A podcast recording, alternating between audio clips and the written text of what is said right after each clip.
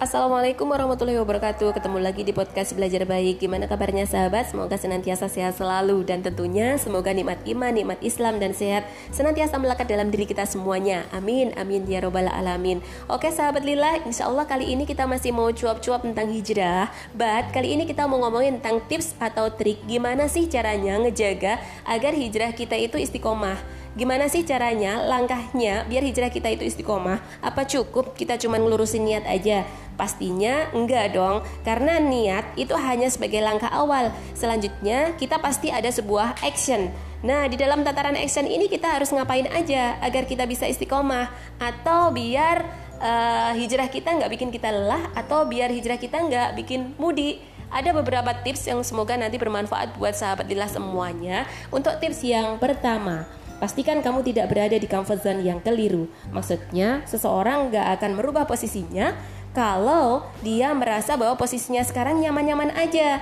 Pasti susah kalau orang itu ngerasa di posisi yang nyaman. Padahal really, posisinya saat ini itu benar-benar berada dalam posisi yang gak Allah ridhoi. Ingat sahabat, kita hanya bersandar hidup kita itu pada standar Allah Yang mana standar Allah itu nggak bakalan salah, nggak bakalan keliru di dalam Quran Surah Al-Baqarah ayat 216 Allah berfirman, boleh jadi kamu membenci sesuatu padahal ia amat baik bagimu.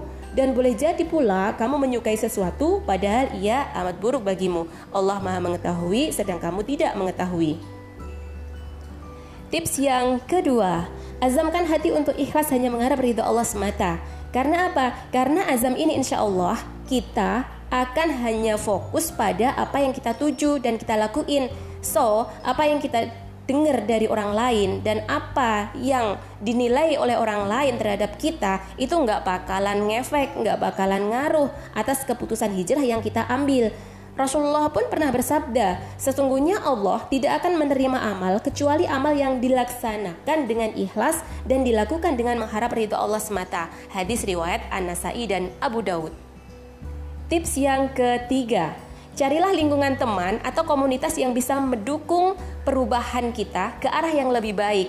So, kita mesti berkumpul nongki-nongki dengan orang-orang yang solih agar bisa ngejaga dan istiqomahin kesolihan kita yang akan kita mulai untuk berhijrah.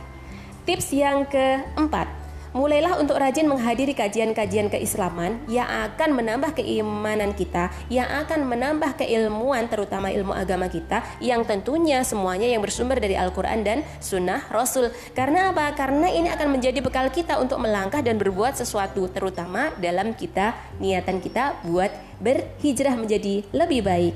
Tips yang kelima, terus teruslah mendekat untuk taat kepada Allah karena apa? Karena Allah lah yang akan memberi kita kekuatan. Allah lah yang akan memudahkan segala urusan kita. Di dalam Quran surah At-Talaq ayat 4, Allah berfirman, "Dan barang siapa yang bertakwa kepada Allah, niscaya Allah menjadikan baginya kemudahan dalam urusannya." Masya Allah. Nah, sahabatilah, semoga dari tips yang sudah kita bahas kali ini menjadi yang ilmu yang bermanfaat bagi kita semuanya. Kita dengerin, kita pahamin, kita amalin dan kita sebarin untuk semuanya. Assalamualaikum warahmatullahi wabarakatuh.